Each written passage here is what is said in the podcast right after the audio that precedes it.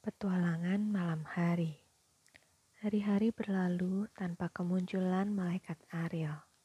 Tapi, itu mungkin karena selama itu selalu ada anggota keluarga Cecilia yang menungguinya di kursi di samping tempat tidur. Christine datang hampir setiap hari. Biarpun, biarpun ibu dan nenek sudah bisa memberikan injeksi sendiri, Cecilia sering tak tahu hari apa ini atau jam berapa sekarang. Jika pikirannya sedang jernih, Cecilia menuliskan beberapa buah pikir baru di dalam diari Cinanya. Papan ski dan tobogan barunya tersandar di dinding yang memisahkan kamar Cecilia dengan kamar orang tuanya. Saat itu masih musim salju. Saljunya masih tebal, masih menyenangkan untuk bermain ski.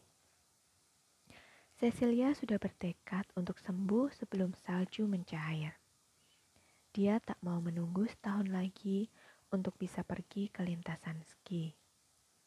Cecilia tak pernah menceritakan malaikat Ariel kepada siapa pun. Ariel tak punya keperluan dengan keluarganya.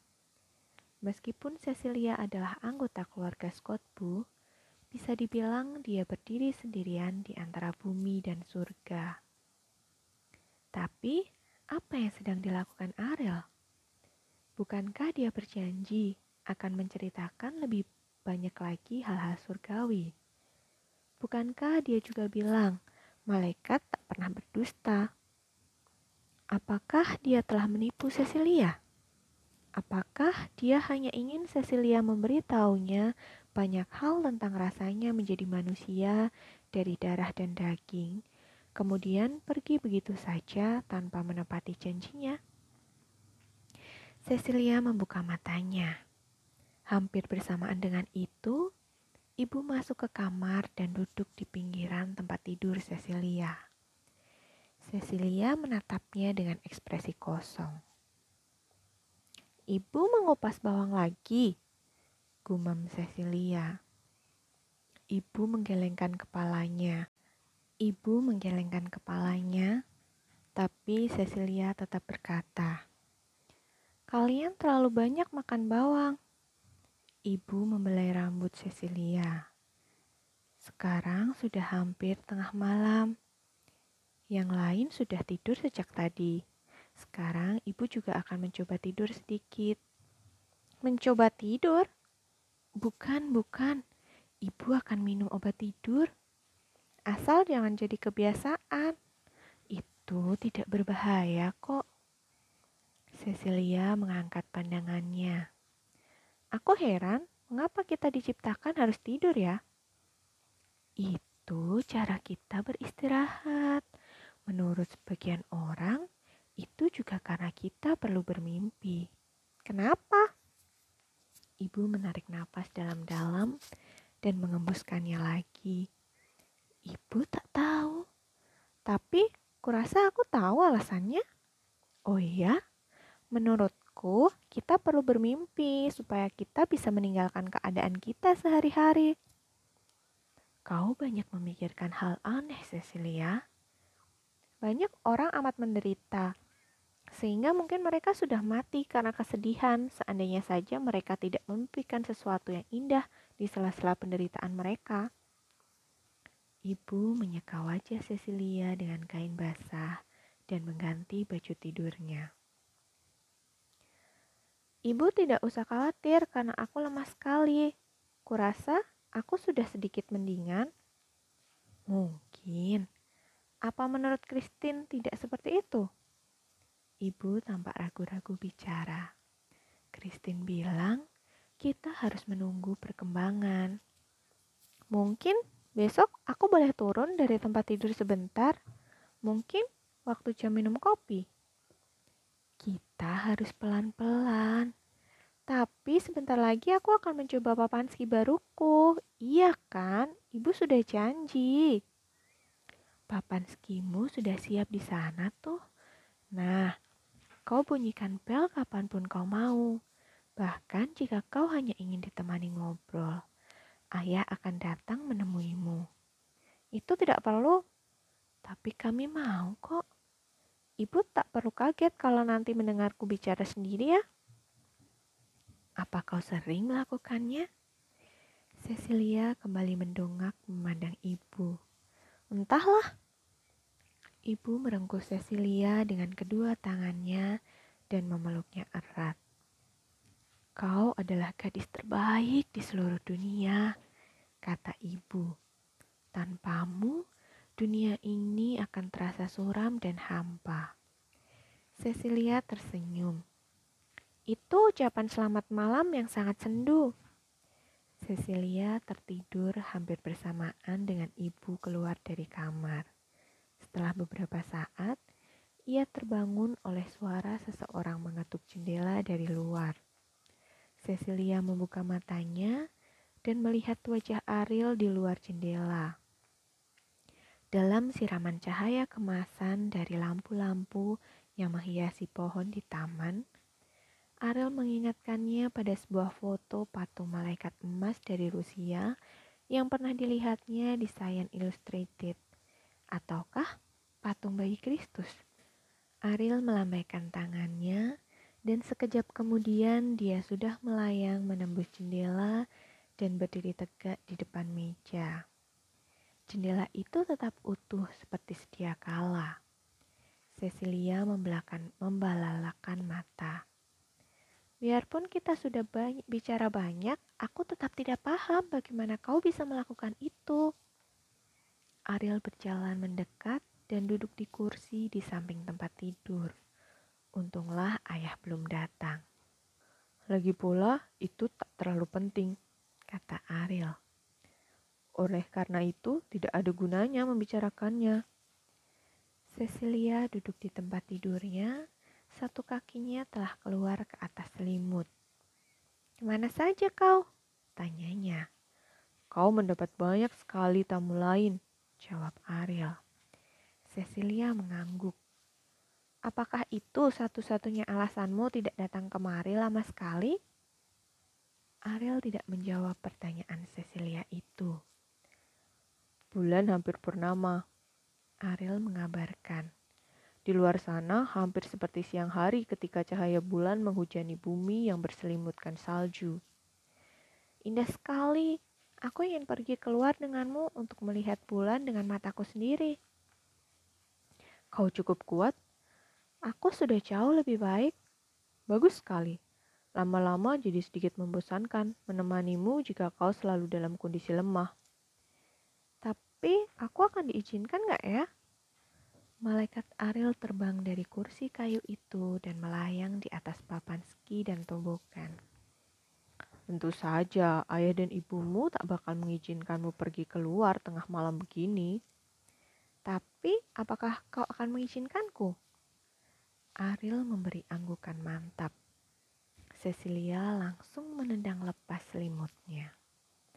Kalau kau kalau kau sudah dapat izin dari malaikat surga untuk melakukan sesuatu, tak penting apa yang dikatakan orang lain, kata Cecilia. Lagi pula, semua orang di rumah ini sudah tidur. Kalau begitu, kita lewat jalan pintas saja. Tapi, kau harus mengenakan pakaian yang sesuai, supaya kau tak berubah menjadi gumpalan peppermint di luar sana nanti. Cecilia berdiri dan berjalan. Dia mampu berdiri cukup mantap. Sama sekali dia tak merasa pusing. Aku ingin mencoba papan ski baruku, katanya. Detik berikutnya, Cecilia sudah berdiri di depan lemari pakaian. Sejak November, ia sudah mempersiapkan semua pakaian musim saljunya. Ia sudah meletakkannya di rak terpisah. Cecilia menanggalkan baju tidurnya dan mengenakan rompi, celana dalaman hangat yang menutupi hingga mata kaki, sweater, celana ski, dan anorak. Ia juga memakai shawl, topi wool, sarung tangan ski, dan kaos kaki tebal. Segera sajalah ia sudah duduk di pinggir tempat tidur mengenakan sepatu bot skinya. Setelah siap, Cecilia melirik Ariel. Kau tak keberatan kan membawakan papan ski itu untukku? Mereka keluar ke koridor dan pelan-pelan menuruni tangga menuju lantai bawah. Cecilia membuka kunci pintu depan dan menyuruh Ariel keluar lebih dulu dengan membawa papan ski. Kemudian, Cecilia mengikutinya setelah sebelumnya menutup pintu dengan hati-hati. Mereka berjalan ke belakang gudang. Di tempat itu, terdapat lereng curam menuju sungai dan hutan pohon fir yang luas. Cecilia memasang sepatu boot skinya ke papan ski dan memasukkan tangannya ke lingkaran tali tongkat skinya. Sinar bulan menebarkan bayang tajam di hamparan salju. Aku mau mencoba berski menuruni lereng ini, kata Cecilia. Kau harus berlari mengejarku. Aku sudah lama menunggu untuk dapat melakukan ini.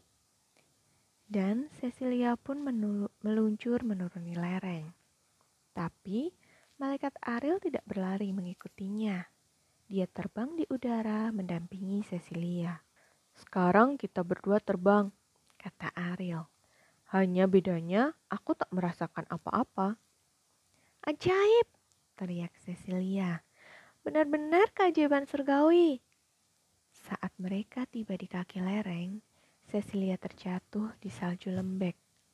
Mereka berdua tertawa karenanya. Cecilia bangkit dan menunjuk hutan fir itu. Di sana ada lintasan ski yang menyenangkan menuju atas bukit gagak. Dari puncaknya, kau bisa melihat seluruh lembah. Sesaat, Ariel tampak seperti menilai kondisi Cecilia, tapi hanya sebentar. Apa kau cukup kuat untuk pergi ke sana?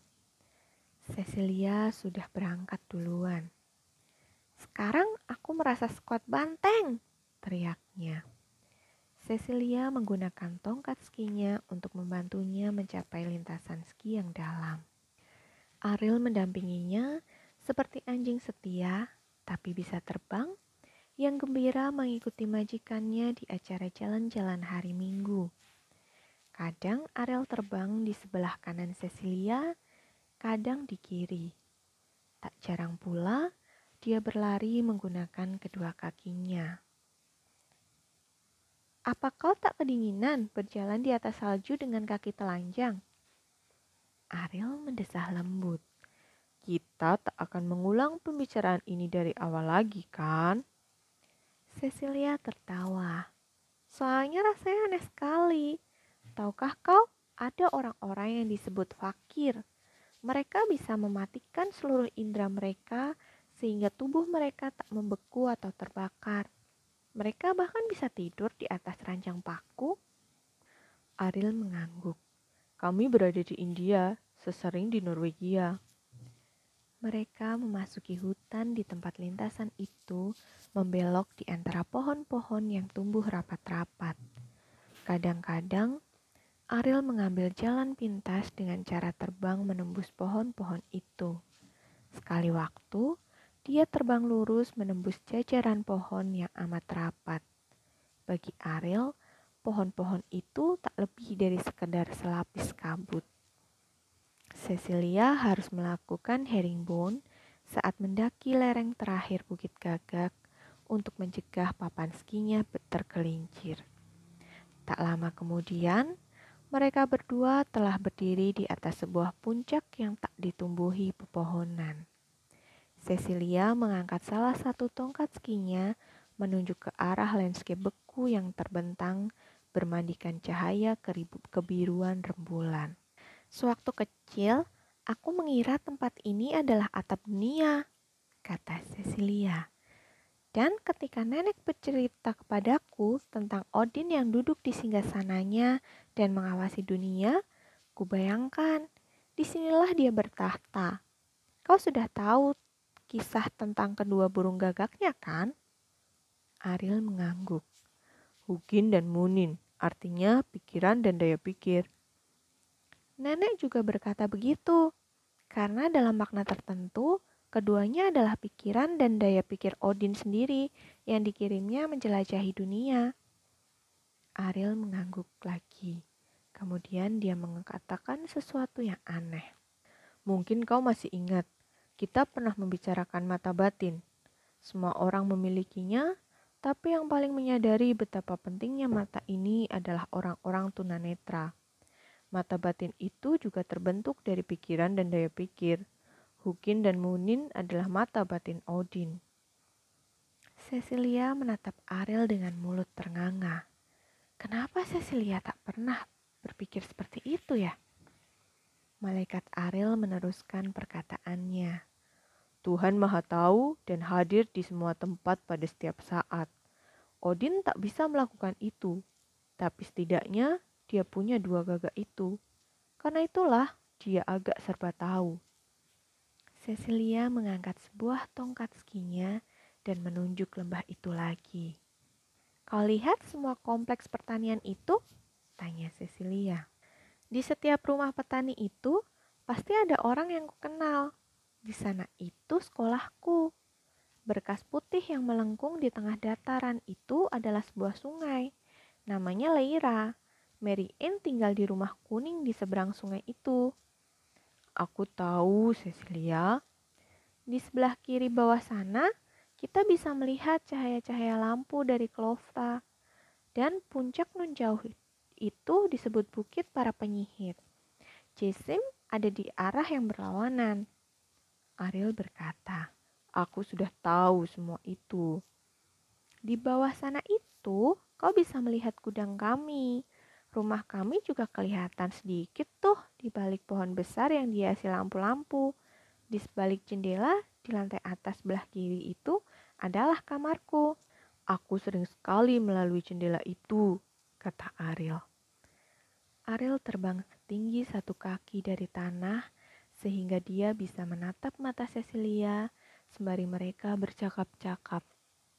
Mata safirnya yang berwarna biru kehijauan berkilauan ditimpa cahaya bulan.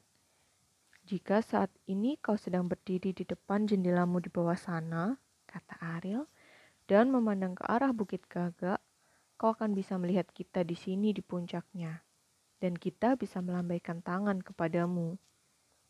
Cecilia menekap mulutnya dengan satu tangannya. Tidakkah perkataan Ariel itu sangat aneh? Cecilia merasa ada yang salah, tapi ia tak tahu pasti apa itu. Ayah mungkin masuk ke kamarku kapan pun, kata Cecilia, untuk melihat apakah aku tidur. Jika menengokku sekarang, ayah bisa kena serangan jantung. Ya Tuhan, seru ayah. Burung kesayanganku telah kabur dari sanggarnya. Kau mau aku melihat apakah ayahmu masih tidur? Bisakah kau melakukannya? Sekejap berikutnya, Ariel sudah lenyap dan Cecilia tinggal sendirian berdiri di antara langit dan bumi. Selama beberapa detik, rasanya seperti ia kehilangan saudara kembarnya. Lalu, Ariel mendadak sudah berdiri lagi tepat di sampingnya. Kedua orang tuamu masih tidur, kata Ariel menenangkan Cecilia. Ibumu berbaring dengan kepala bersandar di dada ayahmu. Mereka memasang alarm untuk berbunyi pada pukul setengah empat. Cecilia menghela nafas lega. Cecilia menunjuk ke arah landscape lagi. Aku tak pernah paham bagaimana rembulan bisa memberikan begitu berlimpah cahaya. Itu karena segala sesuatu lainnya gelap total. Saat cahaya menerangi kegelapan, tak seberkas pun sinar tersia-sia. Tapi rembulan sendiri tidak mengeluarkan cahayanya, protes Cecilia. Ia hanyalah cermin yang meminjam cahaya matahari. Ariel mengangguk dengan serius. Matahari juga tak menghasilkan sendiri cahayanya. Ia hanyalah cermin yang meminjam cahaya Tuhan. Benarkah? Aku tak berdiri di sini di hadapan Tuhan hanya untuk membohongimu, Cecilia. Tentu saja tidak. Hanya saja tak pernah terpikir olehku bahwa matahari meminjam cahaya Tuhan, sama seperti rembulan meminjam cahaya matahari. Cecilia bertumpu pada kedua tongkat skinya dan memandang hamparan salju di bawahnya. Saat ia mengangkat kembali pandangannya, Ariel sudah berpindah tempat. Sekarang, ia melayang beberapa sentimeter di atas tanah tepat di hadapan Cecilia. Ariel berkata, Kau juga meminjam cahaya Tuhan, Cecilia. Kau juga adalah cermin Tuhan. Karena apa jadinya kau tanpa matahari dan apa jadinya matahari tanpa Tuhan? Cecilia tersenyum lebar. Kalau begitu, aku ini adalah sebuah rembulan mungil. Dan sekarang kau menyinariku. Kau banyak mengatakan hal-hal aneh. Segala sesuatu jadi terasa begitu syahdu, sampai-sampai membuatku gemetar. Malaikat Ariel mengangguk. Ketika kita membicarakan surga, suasana memang menjadi sedikit sahdu. Jadi, kau sekarang akan memberitahuku tentang surga. Aku sudah sejak tadi memberitahumu. Ariel menunjuk ke atas ke bentang angkasa. Bulan bersinar begitu terang sehingga hanya beberapa bintang yang menampilkan diri berupa titik-titik pucat di angkasa. Pertama-tama, kau harus memahami bahwa sekarang kau sudah berada di surga, kata Ariel. Inikah surga? Malaikat Ariel mengangguk. Menurutmu, kita berada di mana? Bumi hanyalah satu noktah kecil di alam semesta yang maha luas. Aku tak pernah berpikir seperti itu. Inilah bumi surgawi, Cecilia. Inilah Taman Firdaus, tempat tinggal manusia. Para malaikat tinggal di tempat-tempat lainnya. Maksudmu di ruang angkasa? Atau di semesta raya? Tapi itu sebenarnya sama saja. Cecilia bertumpu lagi pada kedua tongkat skinya dan memandang hamparan salju. Sangat misterius, benar-benar misterius. Saat ia mengangkat matanya lagi, tampak Ariel menatapnya dengan pandangan menantang. Menurutku, itu mudah sekali dipahami. Cecilia menggelengkan kepala dengan frustasi. Aku selalu bertanya-tanya di manakah surga berada, kata Cecilia. Tak seorang pun astronot pernah melihat Tuhan atau malaikat. Tak seorang pun ahli bedah otak pernah menemukan pikiran di dalam otak, dan tak seorang pun psikolog pernah melihat mimpi orang lain. Itu tak berarti pikiran dan mimpi tak benar-benar ada di dalam kepala manusia. Tentu saja, dan tak seorang pun yang berada di pantai luas melihatmu saat kau bermimpi berada di sana. Kita sudah sering membicarakan ini. Apa maksudmu ada banyak sekali malaikat di alam semesta ini? Tentu saja, Kau tentu tak berpikir bahwa Tuhan menciptakan alam semesta yang maha luas ini tanpa alasan, kan? Karena tak bisa membeku atau terbakar, kami bisa berada di tempat mana pun di ruang angkasa. Bedanya dengan manusia, hanya bumilah tempat yang cukup dingin dan cukup hangat bagi kalian yang terbuat darah dari darah dan daging. Semua tempat lain di alam semesta ini terlalu panas atau terlalu dingin buat kalian. Jika bumi tak jika bumi lebih dekat sedikit saja ke matahari, kalian tak akan kuat menahan panasnya. Dan jika bumi lebih dekat sedikit saja ke Pluto, kalian akan segera menjadi patung es. Malaikat Ariel melakukan putaran kecil di udara, tetapi segera kembali ke hadapan Cecilia. Ariel mengapung di udara hanya beberapa puluh senti dari tanah. Pernahkah kau ke bulan? Tanya Cecilia. Serta merta Ariel menjawab, itu tempatku menari balet. Di bulan? Ariel mengangguk. Tahukah kau, saat manusia pertama kali mendarat di bulan, hal itu sempat jadi lelucon di kalangan malaikat. Banyak sekali dari kami yang hadir di bulan saat itu. Tapi baik Armstrong maupun astronot-astronot lain tak bisa melihat kami. Mereka mengira sendirian di bulan dan mereka begitu bangga karena menganggap merekalah yang pertama kali mengunjungi bulan. Tahukah kau apa yang dikatakan Armstrong saat melangkah keluar dari pesawat pendaratannya? Satu langkah kecil seorang manusia, sebuah lompatan besar bagi seluruh umat manusia, jawab Cecilia. Tepat sekali. Mewakili seluruh umat manusia, Cecilia merasa agak dicurangi karena para malaikat memata-matai para astronot yang mendarat pertama di bulan dan mengira mereka sendirian di sana. Aku ingin membuat memuatnya di surat kabar, kata Cecilia. Berita terbaru, bulan ternyata dikunjungi banyak malaikat. Radar teknologi baru menyingkap rahasia kuno. Ariel tertawa. Tapi kau belum dengar cerita tentang asteroid kan?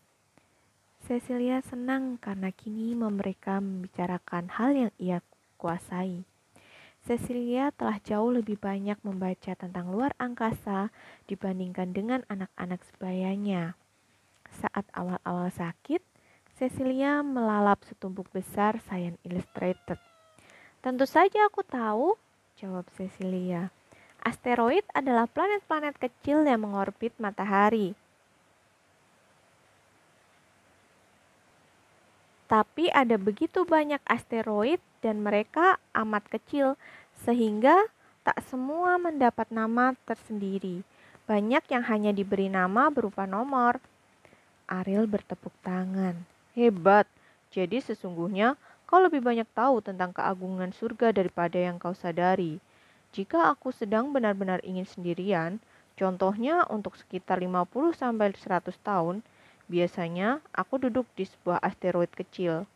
Karena meskipun ada begitu banyak malaikat di surga, ada lebih banyak lagi asteroid di ruang angkasa. Merenung sendirian di sebuah planet mini bisa sangat menenteramkan setelah berdebat sengit di rapat besar malaikat. Kadang-kadang aku bermain lompat-lompatan dari asteroid ke asteroid. Benar-benar menyenangkan. Cecilia menganggap itu terlalu mengada-ada. Menurutku kau berbohong, katanya. Cecilia mengangkat matanya dan memandang tegas sepasang mata safir biru kehijauan itu. Tapi ia segera menurunkan pandangannya begitu menyadari telah melontarkan tuduhan berat. Sungguh sayang, kata Ariel. Kau tahu malaikat tak pernah berbohong. Itu berarti kau tak percaya aku ini malaikat. Kalau begitu, ceritakan lebih banyak lagi, jawab Cecilia penuh penyesalan. Bagiku tak ada yang lebih menyenangkan ketimbang duduk di atas komet, kata Ariel. Di atas komet? Ya, contohnya komet Halley. Dia butuh waktu 76 tahun untuk mengelilingi matahari. Tapi mengingat jarak yang ditempuhnya, itu berarti dia berjalan luar biasa cepat. Duduk di atas sebuah komet mungkin bisa diibaratkan naik roller coaster. Hanya bedanya, kau tak perlu antre untuk meluncur lagi. Cecilia menggelengkan kepalanya. Aku sih senang-senang saja mendengar ceritamu, katanya. Aku sendiri juga senang kalau bisa melakukannya. Hanya saja, Tak kusangka malaikat begitu gemar bermain-main. Malaikat Ariel menatap mata Cecilia dalam-dalam. Sudah kubilang, Tuhan menciptakan Adam dan Hawa agar ada yang berlari-larian di antara pepohonan dan bermain petak umpet di Taman Firdaus. Tak ada gunanya menciptakan taman yang luas jika tak ada anak-anak yang bermain di dalamnya. Cecilia mengangguk, dan Ariel pun melanjutkan. Tak ada gunanya pula menciptakan ruang angkasa yang luar biasa luasnya dengan miliaran bintang dan planet, bulan dan asteroid jika tak ada malaikat-malaikat yang menikmati keagungan alam semesta itu. Cecilia ragu-ragu. Aku setuju, itu kedengarannya cukup masuk akal. Tapi aku tak pernah menemukan isi Bible yang mengisyaratkan hal itu. Ariel tak menjawabnya dia malah membicarakan hal yang amat berbeda. Jika Tuhan menciptakan seluruh alam semesta ini hanya untuk menunjukkan kekuasaannya, pastilah dia sangat egois. Sungguh menyeramkan. Ada sekitar 100 miliar galaksi di alam semesta ini. Dan setiap galaksi itu memiliki 100 miliar matahari. Jika kau hanya bisa menebak beberapa jumlah planet dan bulan, apalagi jumlah asteroid, Meskipun jumlah malaikat juga banyak sekali, kami tak punya alasan untuk mengeluh bahwa kami hanya diberi tempat bermain yang amat sempit. Kami juga tak bisa mengeluh, hanya diberi terlalu sedikit waktu. Iya, aku yakin kalian tak pernah mengeluh. Senangnya jadi kalian. Kamilah yang mengikat alam semesta ini menjadi satu kesatuan, Cecilia. Tuhan tak pernah memiliki sepasang gagak yang bertengger di pundaknya, tapi dia selalu punya amat berlimpah malaikat. Cecilia mulai menggali salju dengan salah satu tongkat skinya. Cecilia berkata, "Kalau menulis buku tentang itu, kau mungkin akan mendapat satu atau dua Nobel." Kenapa dua? Satu untuk teologi, satu untuk astronomi. Tentu saja jika mereka tak menyatukannya. Minimal kau mungkin dapat Nobel untuk imajinasi. Kau pantas mendapatkannya. Ariel tertawa. Wah, aku tak mau bersaing dengan ilmuwan-ilmuwan serius seperti mereka. Mereka yakin bahwa semua rahasia alam dapat diungkapkan oleh mikroskop dan teleskop. Lagi pula, mereka hanya mempercayai hal-hal yang bisa ditimbang dan diukur. Tapi sebenarnya mereka hanya memahami sebagian-sebagian. Mereka tak sadar bahwa mereka melihat segala sesuatu dalam cermin samar-samar. Mustahil menimbang atau mengukur malaikat. Sama tak bergunanya memakai mikroskop untuk memeriksa cermin. Hasilnya, kau paling-paling hanya melihat pantulan dirimu lebih jelas lagi.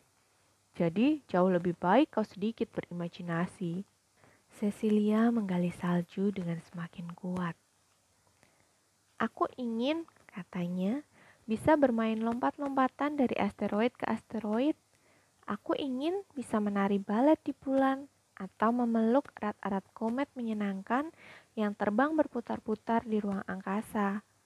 Karena katamu, segala sesuatu sebenarnya sekarang sudah berada dalam surga. Ya, lalu banyak orang bilang kami akan pergi ke surga setelah kami mati. Benarkah? Ariel mendesah dalam-dalam. Kalian semua sekarang sudah berada di dalam surga. Sekarang di sini. Jadi menurutku, sebaiknya kalian berhenti bertengkar dan berkelahi. Lagi pula, sangat tidak sopan berkelahi di hadapan Tuhan. Kau tak menjawab pertanyaanku. Kalian datang dan pergi dan datang kembali, seperti halnya bintang-bintang dan planet-planet. Bla bla bla. Cecilia menancapkan tongkat skinya kuat-kuat. Kau tak perlu marah, Cecilia.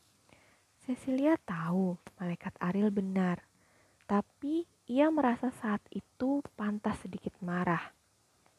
Kata Cecilia, kau berulang-ulang mengatakan bahwa manusia terbuat dari darah dan daging. Tapi katamu juga tak ada makhluk dari darah dan daging yang hidup abadi. Menurutku itu sangat menyedihkan. Aku juga kepingin bermain lompat-lompatan dari asteroid ke asteroid selama beberapa ribu tahun. Lalu berlibur sebentar beberapa juta tahun di sebuah planet asing di sebuah galaksi yang jauh. Karena itulah aku sangat ingin tahu apakah kami punya kehidupan abadi. Cecilia menengkapkan tangan ke mulutnya. Dari mana datangnya kata-kata itu? Ariel berkata, tak ada yang punya kehidupan abadi termasuk malaikat. Karena malaikat tidak hidup. Itulah sebabnya mengapa kami tidak bisa merasakan apa pun dan mengapa pula kami tak bertambah tua. Kita sudah pernah membahasnya. Cecilia menunduk memandangi salju. Menurutku, meskipun kau tak hidup di dunia, kau tak punya alasan untuk mengeluh. Karena kau bisa terbang di antara bintang-bintang dan planet-planet sepanjang masa. Kau juga bisa terbang ke pantai yang jauh ketika kau tidur, jawab Ariel. Bayangkan, seandainya seluruh hidupmu hanyalah mimpi. Cecilia mengangkat bahunya. Kalau mimpi itu indah dan berlangsung selamanya, kurasa aku lebih suka memilih mimpi kalau kau, mana yang kau pilih? Hidup beberapa tahun sebagai manusia atau hidup selamanya sebagai malaikat? Baik aku maupun kamu tak bisa memilih, jadi tak ada gunanya membicarakannya.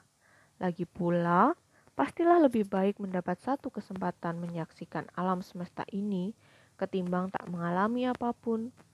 Segala sesuatu yang belum diciptakan tak punya hak menuntut untuk diciptakan. Cecilia merenungkan kata-kata terakhir Ariel itu. Cecilia memikirkannya berulang-ulang. Akhirnya ia berkata, Tapi mungkin mereka lebih suka tidak diciptakan ketimbang hidup hanya sebentar. Jika tak diciptakan, mereka tak akan kehilangan apa pun. Ariel tak menjawab. Mendadak dia terbang tinggi dan memandang jauh ke rumah Cecilia. Sekarang pukul tiga, katanya. Kita harus bergegas pulang sebelum mereka bangun. Cecilia segera berski menuruni bukit. Malaikat Ariel terbang membuntutinya. Lintasan yang sempit di apit pepohonan bukan masalah bagi mereka, karena Cecilia mampu melewatinya dengan mulus dan Ariel hanya perlu menembus pepohonan seolah-olah melewati bayangan. Tak lama kemudian, mereka sudah mendaki lereng menuju gudang Cecilia. Ariel mengamit tudung anorak Cecilia dan berkata, Tak ada waktu untuk berjalan memutar. Tak ada waktu? Tapi untuk menjawabnya pun malaikat Ariel sudah tak punya waktu. Dia merenggut anorak Cecilia dan membawanya terbang tinggi ke udara. Detik berikutnya, mereka sudah menembus jendela yang tertutup rapat dan berdiri di tengah kamar Cecilia. Jendela itu tetap utuh seperti sedia kala, begitu pula Cecilia. Tapi dia masih mengenakan papan skinya. Ariel mulai menet, air mulai menetes membasahi lantai. Menurutmu, apa yang bakal keluargaku katakan? Bisik Cecilia yang dengan penuh rasa bersalah menunjuk papan skinya dan lantai yang basah. Akan kubereskan, sahut malaikat Ariel. Secepat kilat Cecilia mencopot papan ski dan pakaian luarnya, mengenakan kembali pakaian tidurnya dan naik ke tempat tidur. Cecilia menyaksikan sang malaikat melipat rapi pakaian luarnya dua kali lebih cepat daripada dirinya dan meletakkannya di lemari pakaian. Ariel menyandarkan papan dan tongkat ski ke dinding Kemudian dia menitup, meniup peralatan ski dan lantai beberapa kali, dan seluruh air dan salju pun lenyap. Mustahil ada orang tahu bahwa Cecilia tadi pergi keluar untuk menyaksikan purnama. Luar biasa, kata Cecilia. Setelah itu, dia merasakan kantuk dan terlelap.